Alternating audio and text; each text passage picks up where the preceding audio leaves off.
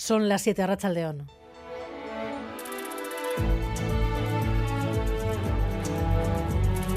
Gambara con Arancha García.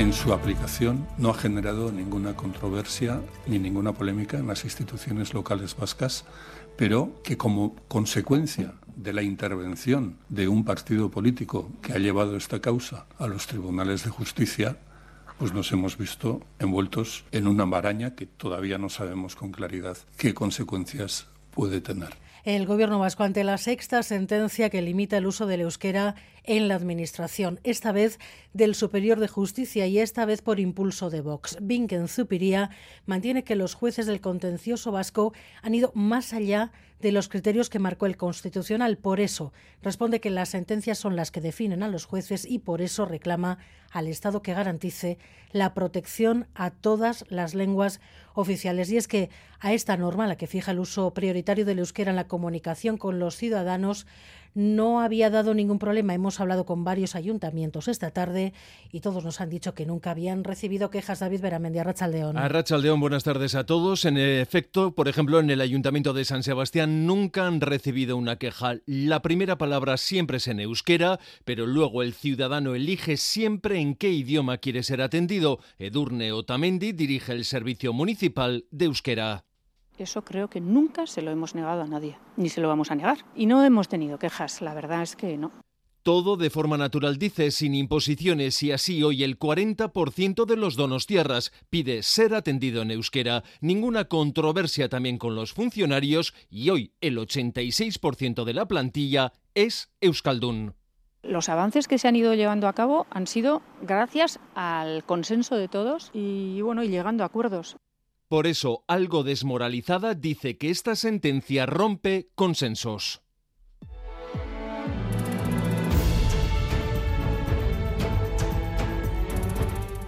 Israel ha recrudecido sus bombardeos contra Gaza y el Líbano en las últimas horas. La situación en la franja empeora a la espera de que se autorice el paso de los camiones con ayuda humanitaria que siguen esperando en la frontera con Egipto. La presión internacional de momento no ha conseguido que el gobierno israelí afloje a la espera mañana de Joe Biden, John Fernández. A la espera de la llegada del presidente estadounidense a Israel, la situación en Gaza sigue deteriorándose. La Agencia de la ONU para los Refugiados Palestinos alerta de que los habitantes de la franja van a empezar a morir por falta de agua. Mientras siguen los bombardeos, los muertos superan ya los 3.000, de ellos 1.000 serían niños. E Israel bloquea esa entrada de ayuda humanitaria que se acumula a las puertas del paso de Rafah, la frontera entre Gaza y Egipto. El canciller alemán Olaf Scholz se ha reunido con Netanyahu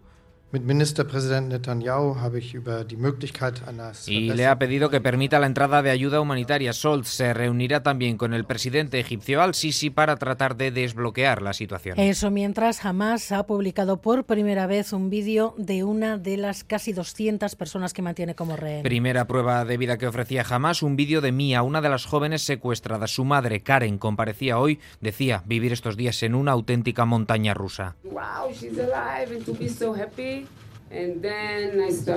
Pensé, wow, está viva, me puse muy contenta. Um, y después sentí miedo. Esto es como una montaña rusa. Señalaba además que la vuelta a casa de los rehenes sanos y salvos es únicamente responsabilidad de Hamas, confía en Israel, decía, y apuntaba que prefiere centrarse, mientras tanto, en el abrazo que dará a su hija cuando regrese. Enseguida conectamos con nuestros enviados especiales a la zona con Xavier Madariaga y Miquel Ayestarán. Y el Endacari que vuelve a lanzar el mensaje de que de momento no toca hablar de elecciones. Yo no, no lo veo así. Yo pertenezco a un partido político que forma parte del gobierno vasco y en las últimas elecciones le ha ido mejor que en las anteriores. Quiero decir, no nos vemos afectados por esas huelgas ni creo que las huelgas afectan a los resultados electorales. El no que decía que no está nada preocupado por cuándo serán las elecciones y la vice Lendakari, Idoya Mendía, que hoy en Radio Euskadi en Boulevard discrepaba del diagnóstico de Urcullus sobre los papel, el papel de los sindicatos y el efecto de las huelgas. A las 8 entrevistamos aquí en Gambara a la presidenta del Vizcay Burubatzar, Ichaso Atucha, entre las preguntas para Atucha, cómo marcha la negociación de la investidura. En principio parece que avanza aún sin pronunciamiento de Sánchez sobre la amnistía y la novedad es la decisión por sorpresa de Per Aragonés de acudir a la comisión que ha convocado el PP en el Senado porque de Cataluña no hablan ni el Partido Popular ni el Gobierno español, decía la portavoz del Gobierno. Sobre Catalunya en parla el president de Catalunya. Ningú, ni el govern espanyol, ni cap partit estatal, ni cap president autonòmic defensarà millor l'amnistia que el propi president de la Generalitat. Y en carreteras, un punto con problemas a esta hora en Cestoa, en la Guipúzcoa 631, dirección Zumárraga. En ese punto dos vehículos han colisionado, están ocupando en estos momentos parte de la calzada. No hay heridos, pero precaución. Guipúzcoa 631, Cestoa, sentido Zumárraga. Y los deportes, Edu García, Rachaldeón. ¿Qué tal, Rachaldeón? Pues hoy pendientes el sorteo de Copa, primera eliminatoria, partido único que se va a disputar entre los días 31 de octubre y 2 de noviembre. Ya tenemos rivales para los equipos vascos en esta ronda. Deportivo Murcia a la vez, Rubí Athletic, Buñol Real Sociedad, Lorca Deportiva Eibar, Eguest Teruel, Baracaldo Málaga, Tubelano Huelva, Gimnástica Segoviana Sestao y Guernica Unionista Salamanca. Como digo, partidos que se van a jugar entre el 31 de octubre y el 2 de noviembre. El que gane sigue adelante y el que pierda se va para casa. Y tenemos hoy baloncesto a las 8 y media en el Bues Arena, eh, partido de Euroliga, juega Basconia contra el Bayern, oportunidad para sumar un nuevo triunfo ante el equipo alemán, un equipo que viene dirigido además por una leyenda del basconismo como Pablo Lasso, la siestarra que vuelve a casa ahora en las filas del banquillo del equipo bávaro.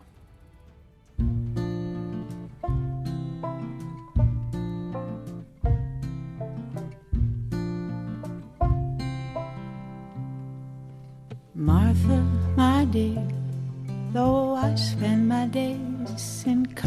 Conchi y Roberto se casan el 28 de este mes, el 28 de octubre, en el ayuntamiento de Gasteiz. Está todo listo o, casi todo listo porque les falta lo principal. Quieren que su perro Mac lleve las alianzas, pero el ayuntamiento les ha dicho que, que no es posible, que no pueden dejarle entrar.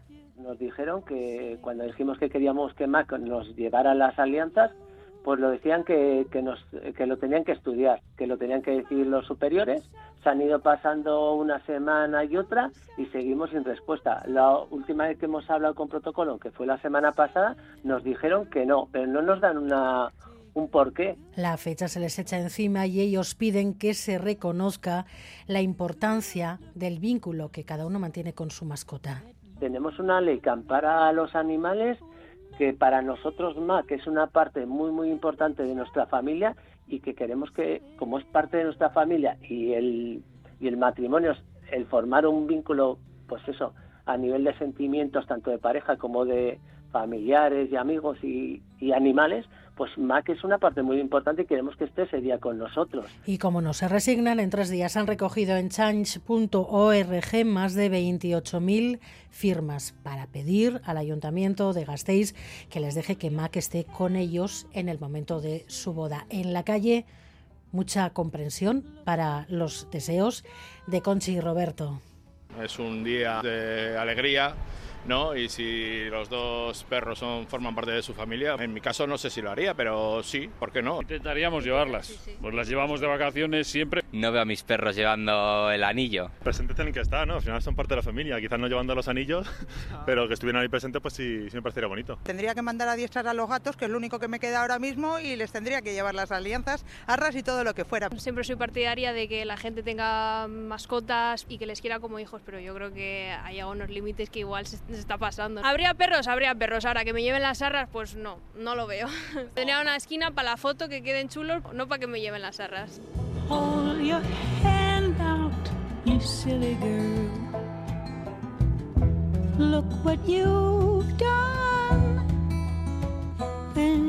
Miguel Ortiz y Alberto Zubel ya están en la dirección técnica, Cristina Vázquez en la producción.